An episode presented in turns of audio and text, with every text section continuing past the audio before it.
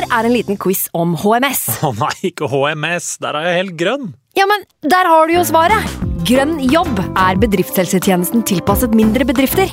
Våre HMS-eksperter hjelper mer enn 8000 bedrifter over hele Norge med alt fra lovpålagte HMS-krav til pålegg fra Arbeidstilsynet. Få på plass bedriftshelsetjeneste på grønnjobb.no. Hallo? Jeg kommer fra Oslo politikammer. Ine Jansen er purk. Er du purk? The motherfucking bitch. Alt jeg vil, er å finne ut hva som skjedde med mannen min. Jon Carew. Er jeg sikta for noe? Iben Akeli. Det er du. Ole So, Lars Berrum og Big Daddy Karsten. Hvem sin side er du på, egentlig? Anette Hoff, Tone Danielsen, Kommer du fra Afrika? Jørnis Josef, Nesten. Kløfta. Trond Espen Seim, Det er synd å si det, men det var feil mann som døde. Purk. Premiere tirsdag på TV2 Play. I can't believe it. Football, bloody hell.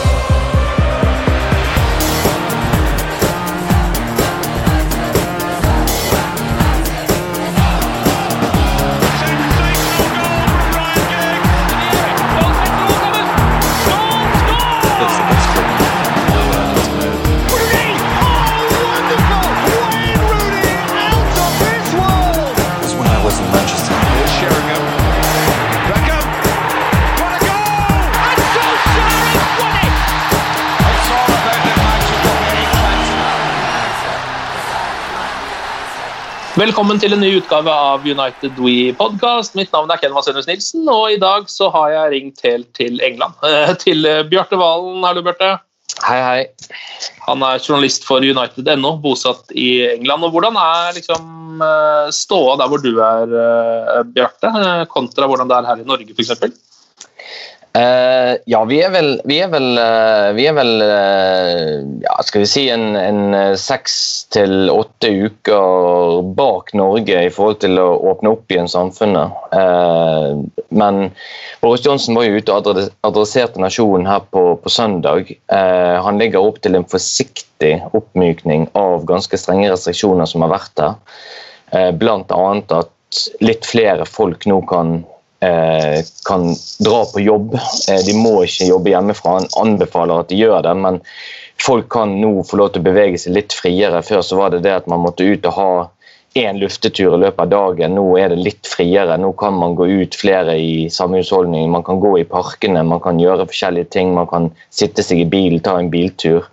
Eh, Så du kan si det er en liten oppbygning, men absolutt alt som skal skje videre de neste eh, to til tre måneder, vil avhenge av at man klarer å holde den eh, R-raten, altså gjenproduksjonen av eller smitte, smitteeffekten, da, at den holdes i sjakk, og at uh, tallet går riktig vei. I det øyeblikket eh, den pilen peker feil vei, så blir det innstramninger igjen med en gang. Det har han gjort det veldig klart. Så hva skal vi si da? Jeg har ikke merket så veldig mye forskjell egentlig eh, så langt. Men, eh, men det vil nok være en gradvis oppmykning nå de, de neste ukene. Og så, og så blir det veldig spennende å se om, eh, om tallene vil fortsette å utvikle seg i riktig retning, eller om, om, eh, om noen kommer til å få en negativ effekt av å åpne opp igjen.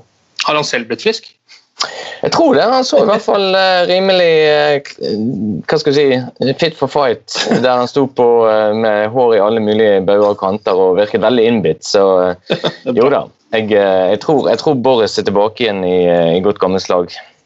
Grunnen til at vi eh, snakker om dette er jo for se- selvfølgelig at det har jo veldig mye med det vi er mest opptatt av å gjøre, nemlig fotball, Premier League og Manchester United.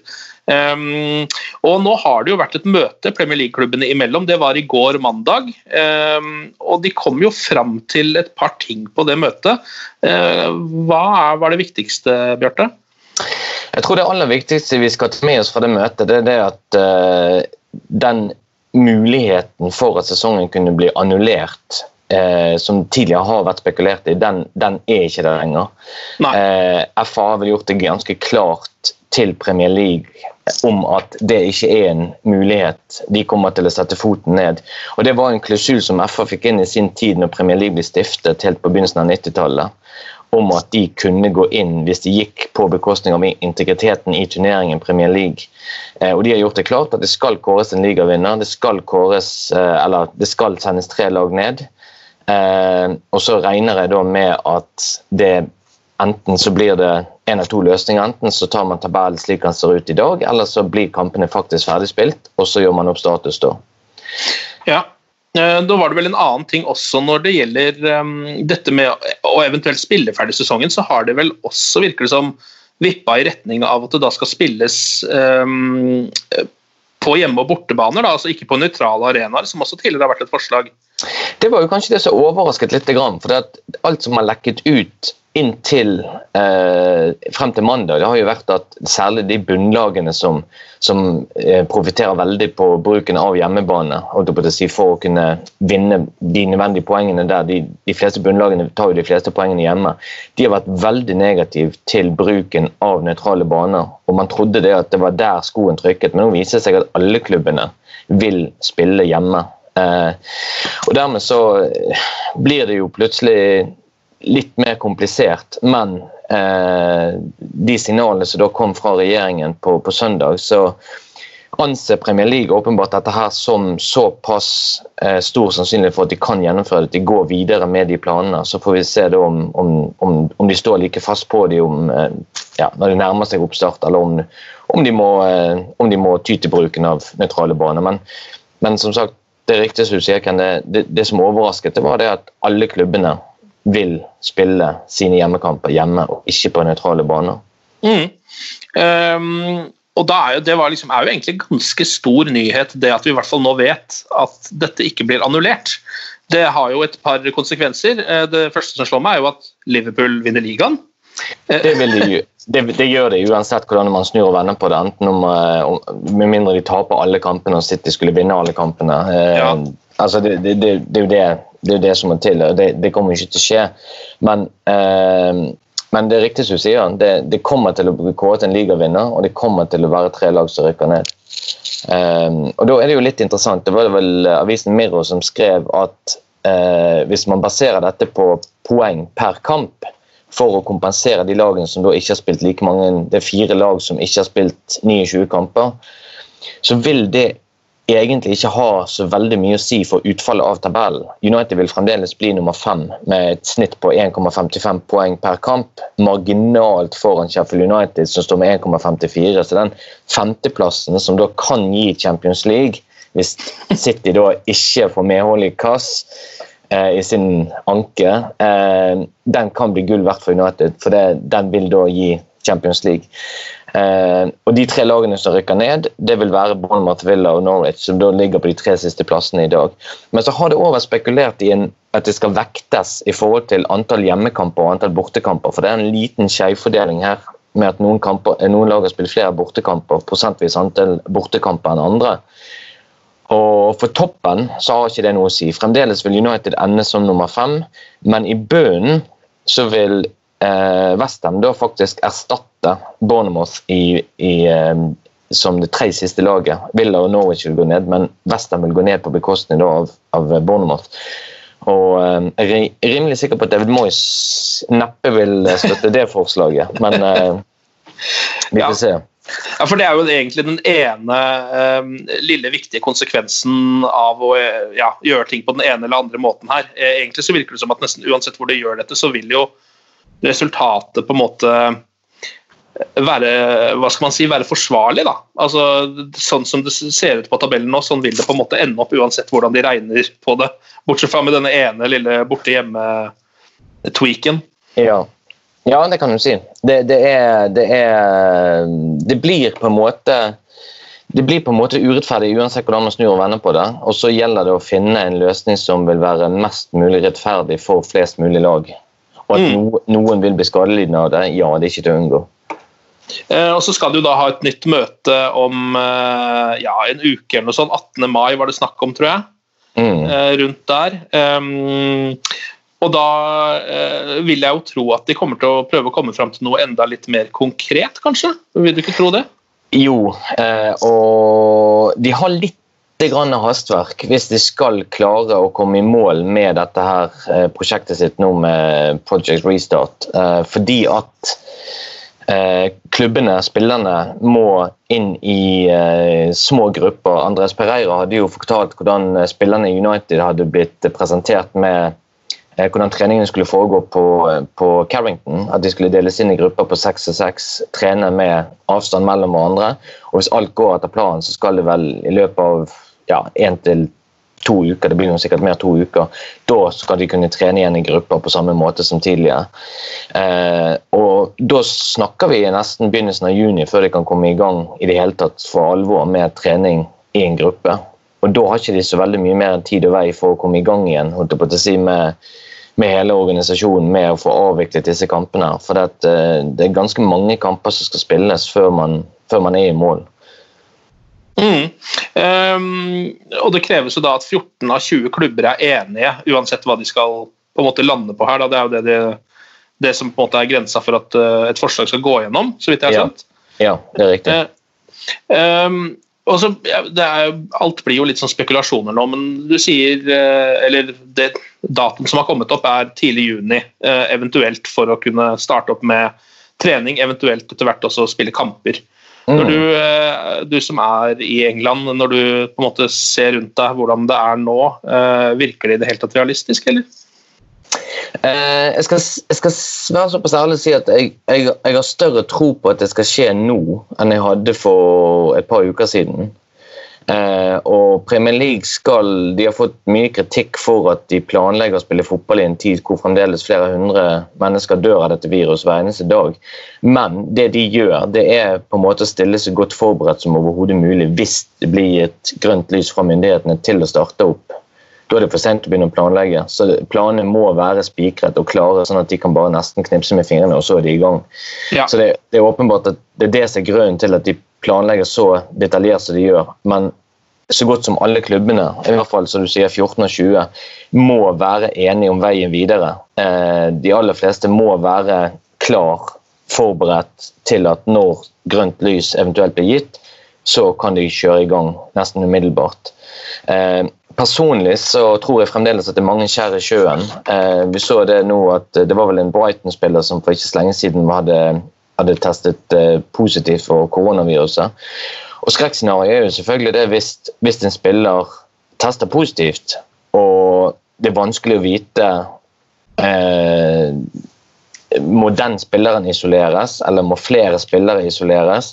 Hva vil det ha å si for den kampen som Hvis nå f.eks. en United-spiller skulle teste positivt, eh, vil den neste kampen eh, mot La oss nå si hvis det hadde vært eh, ja, Bare for å ta et lag, da. Eh, Bournemouth Eh, vil den kampen da bli utsatt, eller vil man prøve å avvikle den, men at man isolerer kun den ene spilleren som har testet positivt? Hvis, hvis kampen blir utsatt her, så er hele prosjektet veldig kjørt og, og eh, sårbart. Så i tillegg så er det jo veldig mange som reagerer på at Premier League-klubbene må skal bruke så enormt store ressurser på testing av spillerne hver eneste dag.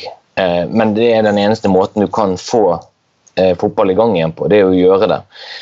Og så Selv om ikke det vil være tilskuer på kampen, om at man ikke trenger så stort sikkerhetsoppbud og, og politioppbud, man trenger kanskje nesten ikke noe i det hele tatt, men man trenger fremdeles medisinsk personale, man trenger fremdeles ambulanse, man trenger fremdeles ting i, i tilfelle det skulle komme skader på spillerne.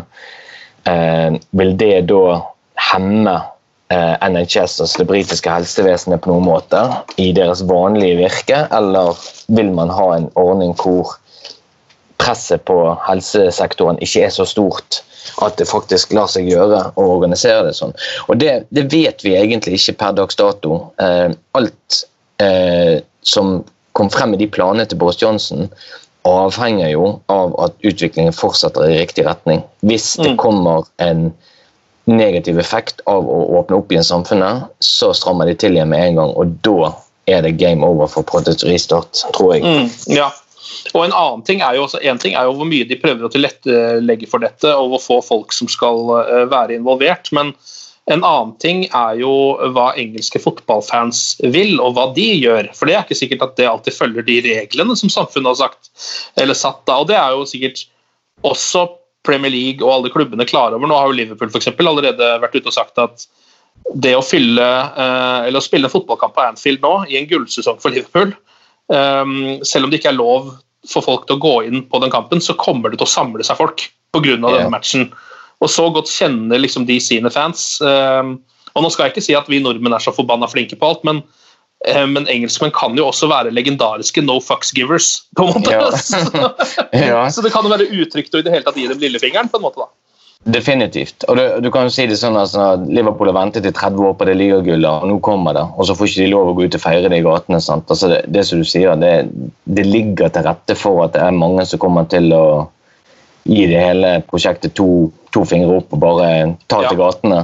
Men ok, det, det hadde skjedd om det var United som var i situasjonen til Ja. Liverpool, eller om det var City som var i situasjonen til Liverpool. Det, er uansett, uansett hvem det hadde vært. Men, men det viser jo egentlig bare hvor skjørt hele, eh, hele prosjektet egentlig er, og hvor lite som skal til for at man kan få en veldig negativ effekt av det. Mm. Så vi får se litt. Jeg føler at man ikke kan ta disse signalene selv om det er noen konkrete møter og begynner å komme datoer på plass og ordentlige løsninger. så er jeg litt enig med deg at det virker som det er noe de gjør sånn i, i tilfelle det kommer et grønt lys, for da må det være på plass. Uh, Ja. Men det kan være kanskje farlig for fotballentusiaster å ta det som et slags tegn på at ting nødvendigvis kommer til å settes i gang snart, for det er ikke sikkert. Nei, det er ikke sikkert. Uh, og du kan si En ting som har på en måte vært på Premier League side helt frem til nå, egentlig, det har egentlig vært tid. Uh, selv om de har vært litt presset på tid på å fullføre sesongen før en ny sesong begynner, og før Champions League og FA Cup og alt dette skal, skal avvikles, så, så har de hatt litt tid til å planlegge. De har hatt tid til å se fremover. De har hatt tid til å kunne sitte ned i litt ro og mak og prøve å legge noen planer. Men nå begynner det så smått å haste litt med å få spikret det aller, aller meste, hvis de sier helt at skal kunne klare å gjennomføre det. Mm. Ja, Det er egentlig det vi vet til nå om en eh, potensiell Premier League-oppstart, så vi kan jo la det ligge fram til det kommer noe eh, mer konkret på bordet. Um, men denne uka her, Bjarte, så er det jo også et slags eh, jubileum for Manchester United. som um, teller positivt for noen, kanskje ikke like positivt for andre. Det er 15 år med Glazers denne uka. Ja, 15 år siden de amerikanske eierne tok over. Um, det er vanskelig å oppsummere 15 år på kort tid, men hvordan vil du oppsummere den perioden der? vi kan prøve. Ja, Det er vel ikke så mange andre enn en Gleicher Glacier som spretter champagne for det jubileet der, tror jeg. Nei. Eh, nei, altså du kan si eh, Det er tre ting som slår meg egentlig når du ser tilbake igjen på, på 15 år med eierskap for, eh, for Glaciers i United. Eh, og det er A. Hvor utrolig heldige eh, Glaciers har vært med ting de har fått gjennomført, med ting som har bikket i deres favør, som var utenfor deres kontroll. Eh, det har òg slått meg hvor dyktige de har vært hele tiden til å utnytte den situasjonen til sitt eget beste. Men det har òg slått meg at de burde aldri fått lov til å kjøpe United i første omgang, basert på den gjeldsmodellen som de gjorde. Eh, men akkurat der vi står i dag, så kan du si at nettogjeld til United, eller bruttogjeld til United har jo vært uendret på veldig mange år. Men pga. at vi har hatt en enorm omsetningsvekst, så er ikke det, den gjelden, eh, nettogjeld, den er ikke så tyngende nå som den var tidligere. Og Det er litt interessant. Jeg var bare rett inne nå for å, for å hente de tallene. Eh, Hvis du går tilbake til den siste hele sesongen United hadde før Gleisers kom inn, så var altså omsetningen til Manchester United på 169 millioner pund. I fjor så var han på 627. Mm. Eh, og det er jo særlig da de kommersielle inntektene som da var på 45 millioner pund i 2004, som har eksplodert. Nå er de på 280 millioner pund. Og det, det, det har vært en eksplosjon som og, og Skal du ta noe positivt med fra det som Gleichers har gjort, så er det det at de har klart å eh, eh, Hva skal du si eh, gjøre den populariteten til Manchester United på verdensbasis inntektsbringende. Eh, både for klubben, men først og fremst for deres egen del. Men, men, men de har klart å få inn penger på den populariteten med eh, en enorm vekst på den kommersielle sektoren.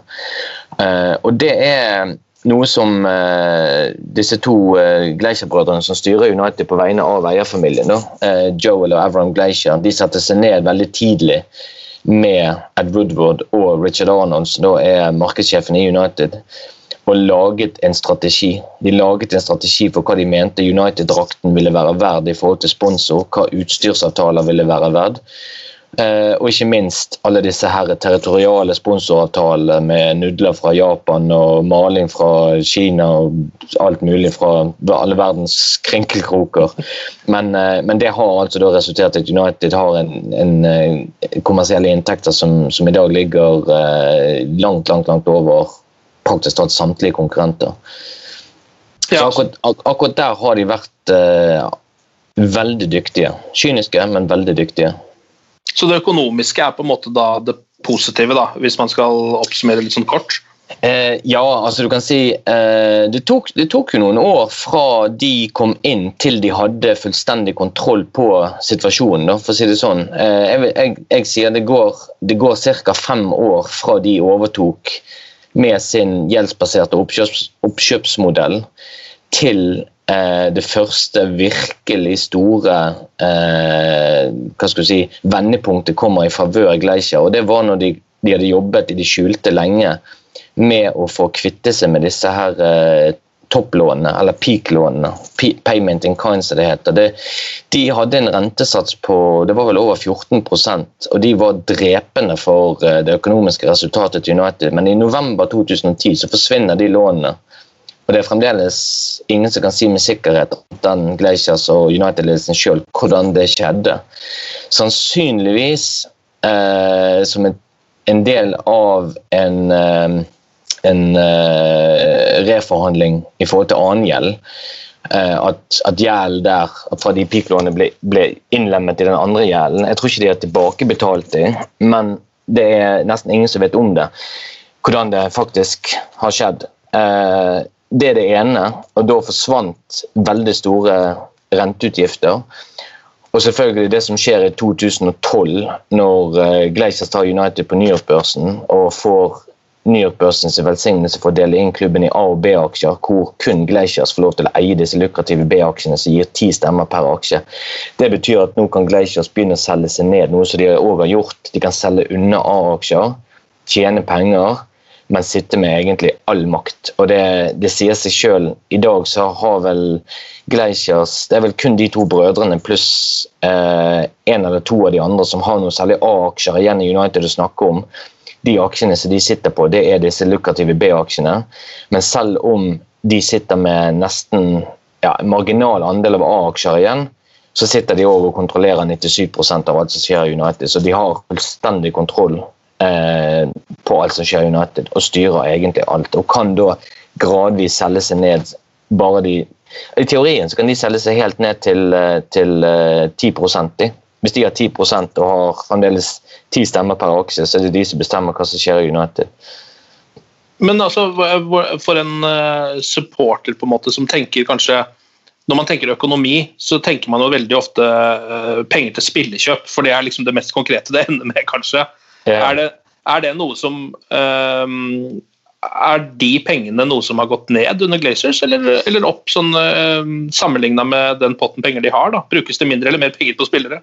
Eh, til å begynne med så blir det brukt eh, vesentlig mindre, det er ikke det tvil om. Ferguson eh, Jeg forguder den mannen der, altså, men eh, så Alex Ferguson var jo ganske tidlig ute og sa at det var, det var no value in the market, snakket han vel om flere ganger. Eh, og vi vet, selv om ikke det verken Glaciers eller United-ledelsen ville innrømmet det, så vet vi at det salget av Cristiano Ronaldo skjedde med ledelsens velsignelse fordi at det var et kjempegap i finansene som måtte tettes. Og det faktum at han ble solgt uten egentlig å bli erstattet, eh, sier det meste av den situasjonen United var inne i da. Men som jeg sier, etter, etter 2010 så snudde pendelen i favør eh, Glaciers. Og vi har jo sett det særlig da etter at Ferguson trakk seg tilbake igjen. Og det begynte vel for alvor med Louis van Gaal at United virkelig kunne brette opp ermene og, og, handle inn eh, spillere fra øverste hylle. Og det kan de fremdeles. fordi at eh, inntektene til United nå vil de jo bli rammet av denne her koronakrisen i likhet med alle andre klubber. Men eh, likviditeten til United er god økonomien er god, selv om gjeld er der, så er ikke den gjelden så drepende nå eh, pga. de enorme inntektene som man en gang var. Så hvis du skal dele opp i tre epoker, da, disse, disse 15 årene med Glacier. Så vil jeg si De første fem årene var Glacier veldig sårbare. De neste fem årene eh, styrker de sin posisjon vesentlig. Og nå de siste fem årene så har de egentlig kunnet gjort nesten sånn som de ville. Eh, og de, de, men de, de, er jo veldig klar over at hvis verdien på Manchester United skal fortsette å øke, at de skal fortsette å dra i land store avtaler, at de skal fortsette å ha enorm eh, andel av supportere og followers som de bruker. Jeg hater det uttrykket, men det er det de bruker i, i rapportene sine. Så må de òg prestere på banen. Eh, og dermed så må de òg handle gode spillere. Så det er liksom sånn Det blir en utgift til inntektservervelse på sikt. Mm. Så heldigvis så sitter vi da, selv om vi kanskje ikke har lyst til å identifisere oss så mye med de to eh, rike amerikanerne, så sitter vi jo litt i samme båt, da. Ja, du, eh, du, kan, du, kan, si det sånn. Eh, merkelig nok så sitter vi faktisk med de samme interessene i, i, akkurat i det perspektivet som, som det eierfamilien gjør, nemlig at United har alt å tjene på å gjøre det bra sportslig. Mm. Um, men altså, da Glazers tok over, så var det jo veldig mye snakk om at dette var noe som kunne ødelegge eh, Manchester United som klubb, dette oppkjøpet. Mm. Uh, hvor mye skade har Glazerne gjort? Ja, altså kan si uh, Den grensen på på uh, milliard pund for hva det har kostet, den har, vært, den, den har vi gått forbi for en stund siden. Eh, og det er uten at vi tar med den gjelden som ligger der i dag, som fremdeles er på eller 425 millioner dollar, tror jeg det. Eh, så eh, du kan si i begynnelsen Det er litt, det er litt interessant, bare for å dra litt grann, sånn historisk perspektiv. da, det var jo det at For de som husker tilbake igjen til 2005, så hadde jo så hadde United eh, to irer eh, som var kjent som eh, The Coolmore Mafia. Eh, John Magnia og JP McManus, som var de to store aksjonærene i United. Og de hadde et veldig godt forhold til Alex Ferguson helt til de røk uklar om den nesten eh, Rock of Gibraltar og, eh, og rettighetene til, til avl fra den. og det som er litt interessant, det var det at før de røk uklar så tror jeg, og det har jeg fått bekreftet egentlig fra, fra flere andre, at det er veldig usikkert om Glaciers egentlig hadde til hensikt å kjøpe opp United, eller om de bare ville eh, kjøre en strategi på det som de kaller for greenmailing, nemlig å kjøpe opp nok aksjer i United til at det kunne utgjøre en trussel mot eierne, som da må kjøpe tilbake igjen deres aksjer for en mye høyere pris, og at de så på det som en investering på den måten. Mens disse to irene da, de, når de røk uklar med Ferguson, så var det jo aldri noen tvil hvem fansen ville støtte. Og de skjønte det at det ville være helt umulig for de å sparke Ferguson på bakgrunn av dette her. Så de tenkte sånn så at ok, det er bedre at vi faktisk selger oss ut. Og så fikk de da til en avtale med Glaciers. Eh, mye hjulpet av Ed Woodward, som da jobbet for JP Morgan, eh, finanshuset der, med å få på plass en veldig sånn gjeldstynget eh, overtakelsesprosess. Og det faktum at de måtte ty til så mye gjeld og så mange låneopptak for å få gjennom overtakelsen av United, det tror jeg tyder på at de egentlig ikke var forberedt i utgangspunktet på å gjøre det, men de så en mulighet. Eh, og i begynnelsen så kostet jo dette United skjorten. United var jo en gjeldfri klubb. United var jo en ekstremt veldrevet klubb som plutselig ble den mest gjeldstyngende fotballklubben over natten når, når, eh, når uh, Glaciers overtok. Og At det hemmet United de første årene på spillermarkedet, det er ikke det tvil om. Og så vet vi det at uh, hvis du plutselig får en enorm rikdom Du så på City f.eks., som plutselig begynte å kjøpe spillere over en lav sko en masse.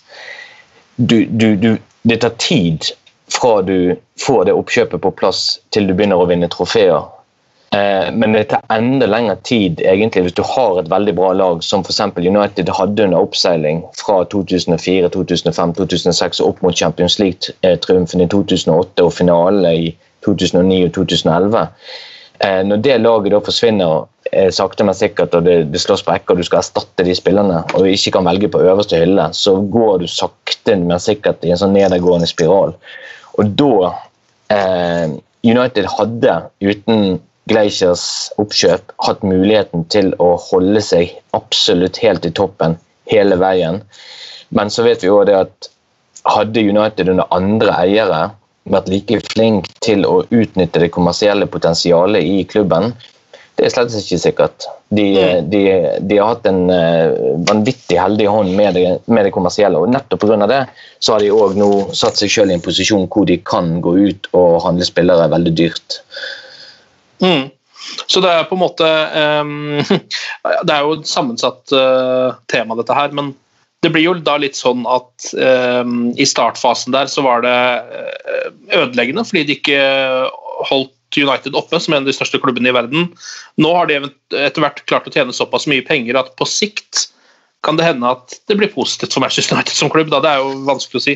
Det er veldig vanskelig å si. Jeg tror det mest gledelige egentlig i slik situasjonen er akkurat nå, det er at Glaciers og eh, ledelsen i United, da med Ed Woodward i spissen, har skjønt at det å bytte managere annethvert år eh, Inn med David Moyes, det funket ikke. Inn med Louis van Gaal to år, det funker ikke. Inn med José Mourinho to og et halvt år, det funker heller ikke. Og at hver og en av de managerne skal på en måte komme med sin filosofi, hente sine spillere, eh, og så funker det ikke, så skal du starte på scratch igjen hele veien. Uansett hvordan du snur og vender på det nå, eh, så legger Ole Gunnar Solskjær et veldig solid fundament både med å satse på unge spillere på langtidskontrakter, bygge opp klubbkulturen på en helt annen måte. og Det ser du flere spillere som er veldig positive til det som skjer bak kulissene på en helt annen måte enn tidligere. Eh, og Den dagen eventuelt Solskjær ikke er manager i United lenger, så tror jeg ikke du kommer til å få mange historier som lekker ut som du hadde med van Gahl, hvor spillere hadde rett og slett fått nok av han, eller spillere som gikk i clinch med Mourinho, eller spillere som ikke gikk overens med Moyes. Jeg tror de aller fleste. Det var litt interessant å se på eh, Matheo Damian, eksempel, som var ute og snakket om Marcus Rashford som en mulig vinner av Ballon d'Or. Eh, hadde bare positive ting å si om Solskjær. Han tar United tilbake igjen til det klubben handler om. Eh, det, det, dette er et veivalg, det er et verdivalg United gjør nå i mye større grad enn tidligere. Eh, så du kan si det at Gleichers har latt seg overbevise til å gå med på det, og ikke bare tenke én eller to eller maks tre sesonger frem i tid, men tenke litt mer langsiktig. Det gjør meg eh, litt roligere, for jeg tror United nå egentlig bare skaper et veldig godt fundament der de er, og at de forhåpentligvis om ja, kanskje to år, tre år vil være i en posisjon hvor de kan utfordre om, eh, om ligatittel igjen. Jeg tror neste år vil komme litt kjapt på dem, men eh, eh, to år ja, ikke umulig. Nei, absolutt ikke. Nå eh, får vi jo se. Nå har de jo noe, Hvis denne sesongen skal ferdigspilles, så er jo Pogba og Rashford tilbake igjen. Um, det vil jo nesten føles ut som en ny sesong som har begynt igjen. faktisk. Ja, på, på, mange måter så gjør det jo det. Vi vet jo ikke helt hva, hva Pogba er god for nå, etter at har vært ute så lenge. men bare tanken på å ha en Rashford tilbake igjen, forhåpentligvis i form, eh, en, en Marcial som kan ligge der fremme og bli fòret både med baller fra, fra eh, Bruno Fernandes, fra Paul Pogba Tenk den midtbanen der. og I tillegg så har du da en Fred som er inne i sin desidert beste periode i United. Matic som har våknet til liv igjen. Scott McTominay som imponerer. Plutselig så har United eh, en veldig solid stall. Eh, om Pogbas fremtid ligger i United, det er noe mer usikkert. Men om United skulle selge han, så har de i hvert fall rikelig med midler til å gå ut og erstatte han og eventuelt andre spillere. Så um, jeg tror den linken til, uh, til uh, Jaden Sancho uh, den vil nok fortsette å vedvare inntil enten United går ut og bekrefter at vi kommer ikke til å hente han, eller at Borussia Dortmund sier at han blir her garantert neste år. Ja, Vi kan jo egentlig ta en runde på det. fordi eh, Nå er det jo Samuel Dockhurst eh, i Manchester Evening News eh, som har skrevet en sak om at United fortsatt planlegger å signere tre spillere når overgangsvinduet eventuelt skulle åpne. Det vet man jo heller ikke hvordan veldig mye om akkurat nå, men um, de vil da ha Jack Raelish uh, fortsatt. De vil fortsatt ha Jaden Sancho, og så er det da unge Jude Bellingham uh, som det er snakk om. Det er de tre som United skal signere. så det selv om eh, eh, nå har det gått såpass lang tid at man nesten har liksom glemt alt av overgangsvinduer og transferplaner og sånt, men United har da opprettholdt de samme planene som de hadde før eh, pandemien slo inn. Ja, det, var jo, det, var jo, veldig klart i vinter at United eh, Det fikk, det fikk vi eh, såpass håndfast, konkret, troverdig informasjon på at vi, vi, vi valgte å stole på det. At United ville ha fire spillere i eh, sommervinduet, så ble Bruno Fernandes fremskyndet fordi at de så det at de, de trengte han tidligere enn det som først var planlagt. Eh, men at det fremdeles er tre spillere igjen da, eh, det sier litt om den økonomiske soliditeten til United at de fremdeles kan linkes til tre sånne spillere. Nå blir vel ikke Bellingham så dyr, han er såpass ung ennå, men eh, han er jo en, kan jo bli en fantastisk investering for fremtiden. Eh, Jack Grealish og Jaden Sancho har jo allerede prestert på et veldig høyt nivå.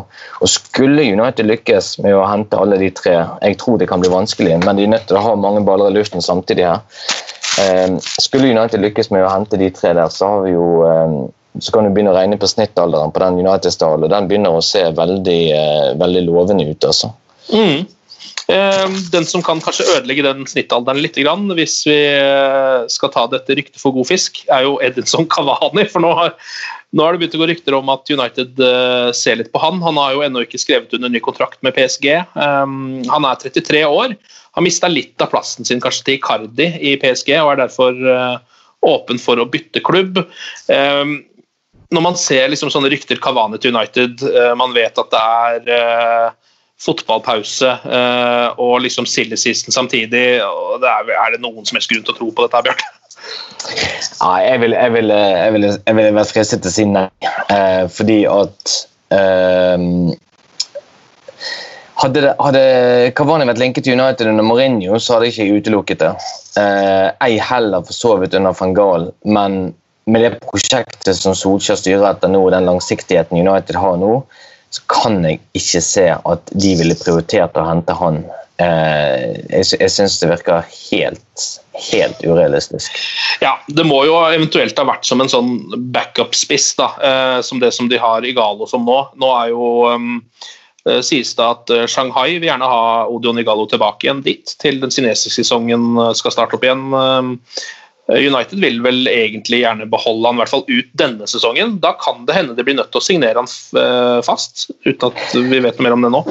Ja, eh, det er veldig interessant eh, kasus der. for at Igalo har jo egentlig gjort eh, bedre enn det de aller fleste av oss hadde forventet på forhånd. Eh, og så er det noe med det at han har glidd veldig fint inn i den gruppen. Han, er spiller, han spiller for favorittklubben sin. Han er han, han, gikk jo ned betydelig i lønn for å kunne komme til United. Eh, jeg tror han er veldig lysten på å bli værende i United hvis han kan. Eh, og jeg tror i utgangspunktet United er veldig interessert i å beholde han. Eh, men ikke for enhver pris. Eh, han er ikke en spiss som kommer til å skåre 30 mål per sesong, men han er en veldig god spiss å ha som en, en backup. Eh, og tankene mine de går på en måte litt sånn tilbake igjen til 98-99-sesongen og United eh, hadde både Cole og York, Solskjær og Sheringham, eh, og Ferguson kunne bytte og rotere på de og holde de på topp hele tiden. Hele sesongen gjennom. Og jeg tror når vi gikk til, når gikk til seriestart denne sesongen, her, så var vi litt tynt besatt i angrep. Det er ikke tvil om det. Men, eh, men vi har en Rashford som, som kanskje er aller best som kantspiller, men som kan også bekle spissrollen. Vi har en Mason Greenwood som et av de største talentene vi har hatt omtrent gjennom alle tider, som, eh, som viser en utrolig effektivitet. Og Vi har Martial som på en måte er den rendyrkede nieren, og så har vi Galway i bakhånd. Vi er plutselig mye bedre for spent på spissplassen nå enn det vi var når vi begynte sesongen. Så jeg tror United har veldig lyst til å ha han med videre, men eh, det kommer an på hva, hva moderklubben eller eh, Shanghai sier. Eh, hvordan de stiller seg til eh, et eventuelt eh, salg, og hva de eventuelt vil kreve. Ja, jeg lurer på om de har verdsatt han til 20 millioner pund. Um, så ja, vi får se. Det er jo et eller annet emosjonelt i meg som vil, gjerne vil at han skal bli, fordi det blir så um, Historien hans er ikke ferdigfortalt i Manchester United. Den, han har akkurat skrevet første kapittel, og så må han plutselig dra igjen. Det, ja, det skurrer litt hos meg, så jeg håper at han, uh, at han blir i United litt til. Ja, veldig enig. Veldig enig.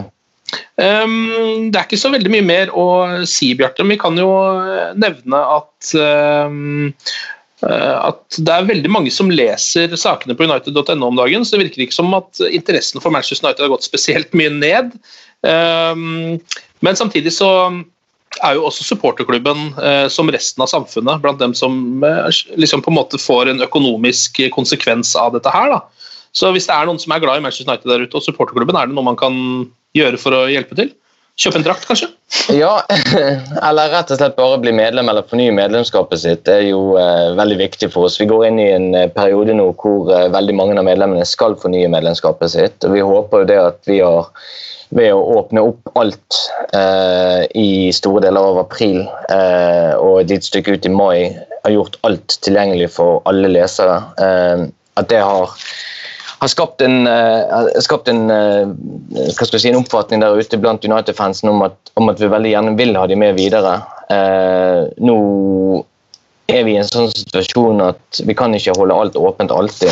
Vi er nødt til å tenke litt forretningsmessig i det hele òg. men vi, vi, lå jo ut en sak for ikke så veldig lenge siden hvor vi forklarte om situasjonen til supporterklubben. Annet det er umulig for oss nå å selge turer og billetter til United-kamper.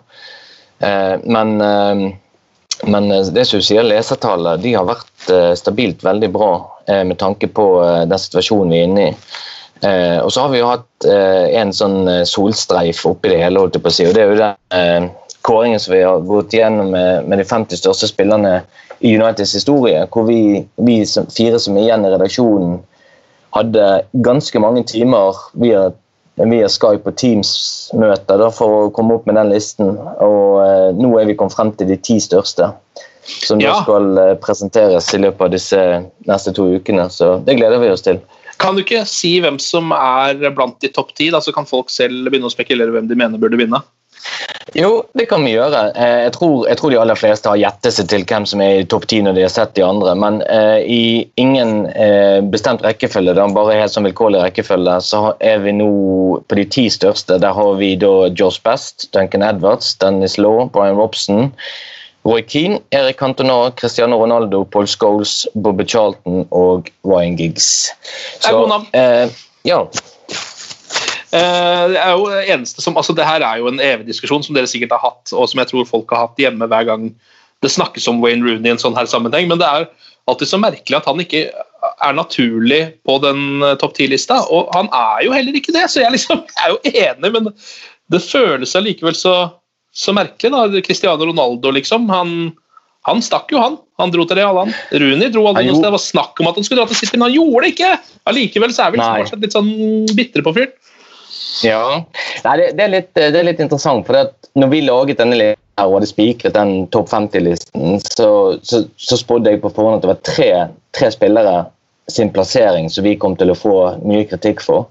Det ene var at vi hadde Ruud van Nistelrooy for lavt. Det andre var at vi hadde Petter Schmeichel for lavt. Og at vi hadde øh, og at vi hadde Ben Rooney for lavt. Uh, og vi fikk litt kritikk for uh, Ruud van Nistelrooy, litt for Peter Schmeichel, men når vi kom til Rooney, så har vi fått en del tilbakemeldinger på at han burde vært i topp ti. Ja. Uh, men det er, det er, en grunn til at vi har kalt listen de 50 største, og ikke nødvendigvis de 50 beste. Uh, det å være god rent sportslig, det er selvfølgelig veldig viktig. Og det, det, det teller veldig mye, men det teller òg en veldig stor grad av lojalitet til United. Eh, og du kan si Wayne Rooney, når han var i United og i utgangspunktet ba om å bli solgt i 2010, så er det kun to klubber han kunne gått til som hadde på en måte vært, vært det ultimate sviket, og det hadde vært Liverpool. og Det kunne ikke han gjort pga. sin Everton-bakgrunn. Og da det andre det hadde vært eh, Manchester City, med tanke på at de var på vei opp og frem da, og er tross alt Uniteds eh, byrival.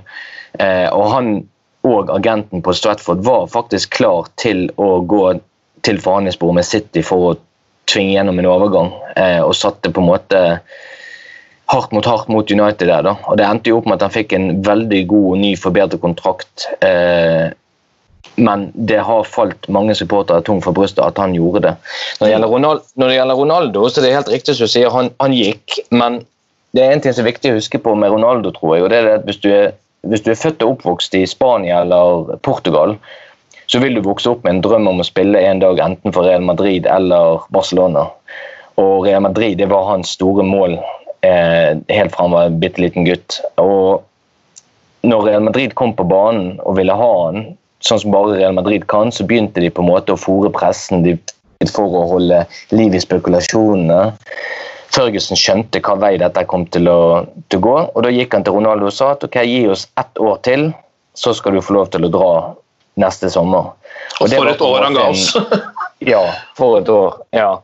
Og det, det, det var på en måte en deal de hadde. Men det er en annen deal der òg som er veldig viktig å huske på. Det var at, som jeg var så vidt inne på tidligere eh, han, han gikk fra United egentlig med ledelsens velsignelse for å kunne tette igjen et stort finansielt hull i Uniteds regnskaper. Og hvis ikke det hullet hadde vært der, så er ikke jeg så overbevist om at Førgussen hadde gjort det på den måten som han gjorde. Eh, United var, om ikke tvunget til å selge han, så, så eh, var ikke det langt ifra. Det var, og han ble jo òg verdens dyreste spiller når han gikk, da. Eh, Ja. Men det er klart, det er litt trist å tenke på hva han har gjort i Real Madrid, og for så vidt òg i Juventus, og at vi kunne fått nytte av han i mange mange flere år. Definitivt. Men jeg har ofte sagt det, det er veldig vanskelig å si hvem som er tidenes beste United-spiller. for det at du må sammenligne det gjerne med sin egen samtid. Skal du sammenligne eh, spillerne med sin egen samtid, så er det sannsynligvis Duncan Edwards eller Josh Best som kanskje har vært de beste spillerne i United i historien. Eh, men hvordan skal du sammenligne eksempel en, en midtstopper som, som Rea Ferdinand med en spiss som, eh, som eh, Ruud van Nistelrooy eksempel? Det er nesten umulig.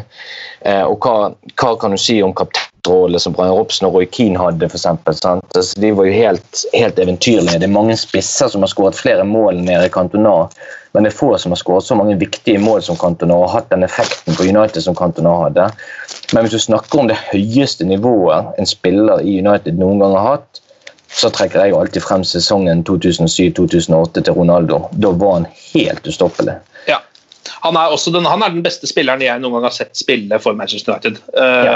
Punktum. liksom Det nivået han hadde. Det var Ja. noe helt eksepsjonelt. Uh, og det å også Jeg er jo fortsatt glad for at jeg fikk være med på det lille eventyret der med Cristiano. Uh, og så ha verdens beste spiller og en så ekstrem spiller også, på så mange måter. En så gøy spiller å sitte og se på, som også leverer resultatene. Å sitte og se kamp etter kamp med han, det er noe jeg sannsynligvis aldri kommer til å få tilbake igjen. Eh, fordi det kommer nok kanskje ikke engang til å komme en ny Cristiano Ronaldo eller en ny Messi mens jeg lever. Det vet man jo ikke. Og han kommer sannsynligvis ikke til å spille for Manchester United heller. Nei, det er det. Men det, det er litt interessant å gå tilbake igjen på den sesongen 2007-2008. hvor Han egentlig, han var jo ikke spiss, han var jo en kant med en ganske fri rolle. Men eh, den sesongen i Champions League så skårer United 20 mål. Han, Wayne Rooney og Carlos Tevez, som for øvrig aldri var aktuell på topp 50-listen, eh, de skårer 16 av de 20 målene til United og på vei mot den Champions League-triumfen i Moskva. og Det sier litt om, eh, om den offensive slagkraften det United-laget hadde. Men den viktigste av de alle var ut, uten tvil eh, Ronaldo. Ja, Det er nesten det eneste som gjør meg litt bitter. Er for det hadde jeg faktisk trodd skulle skje, at han ikke kom tilbake igjen til Manchester United. Altså, da han gikk for til Juventus, da ville jeg hatt han tilbake i rødt igjen. Det hadde liksom vært en perfekt avslutning på historien om Cristiano. Ja, det kan du si. Men det er jo litt interessant, for Patrice Evra han sa jo det at eh, hadde fortalt han at han var ganske sikker på at både Ronaldo og Gareth Bale ville komme til United. Og Dette sa han til Patrice Evra, ifølge Evra, da, eh, bare noen uker før han trakk seg tilbake igjen. Eh, og det er vanskelig å si med sikkerhet, da, men eh, jeg syns det ville virket på en måte litt rart. fordi at eh, Ferguson visste jo allerede omtrent med årsskiftet at dette kom til å bli hans siste sesong. Og Hvis Ronaldo skulle komme tilbake til United, så er jeg ganske sikker på at han ville kun gjort det dersom Ferguson fremdeles var manager. Så Ja. litt sånn, sånn vanskelig å vite hva man skal tro om akkurat den, men, eh, men eh, at, at Ronaldo ble en spiller som kom til United og lærte seg å bli veldig glad i klubben og lærte seg å bli på en måte glad i alt som Manchester hadde å tilby, bortsett fra været. Eh, og ikke minst Alex Ferguson. Du kan jo se det forholdet som de to har hatt siden. Jeg synes Noe av det vakreste jeg ser, det er når Portugal vinner EM og Ferguson står nesten som en vanlig fan holdt jeg på å si, har klart å egle seg helt frem til gjerdet. Og når Ronaldo får øye på ham, de liksom, det er nesten som far-sønn-forhold. Det, det, det er virkelig vakkert å se på. ja, jeg er Eh. helt enig. Blir nesten litt emosjonell av å tenke på det. Ja, faktisk. Faktisk. Eh, Men da er det bare å følge med på United.no i ukene framover og se hvem som faktisk ender helt på toppen eh, av denne tidenes United-spillerkåringen. Eh, Bjarte, det var veldig fint å få tatt en liten eh, prat med deg. Du får eh, holde deg eh, frisk og god i England, så snakkes vi om ikke så altfor lenge, tror jeg. Du, jeg skal gjøre mitt aller beste. Veldig bra. Vi får en ny rapport fra England om eh, ikke så lenge. men litt nærmere hvis ballen eventuelt skulle begynne å rulle igjen etter hvert. Ok, Det var alt for United We Podcast i dag. Glory, glory.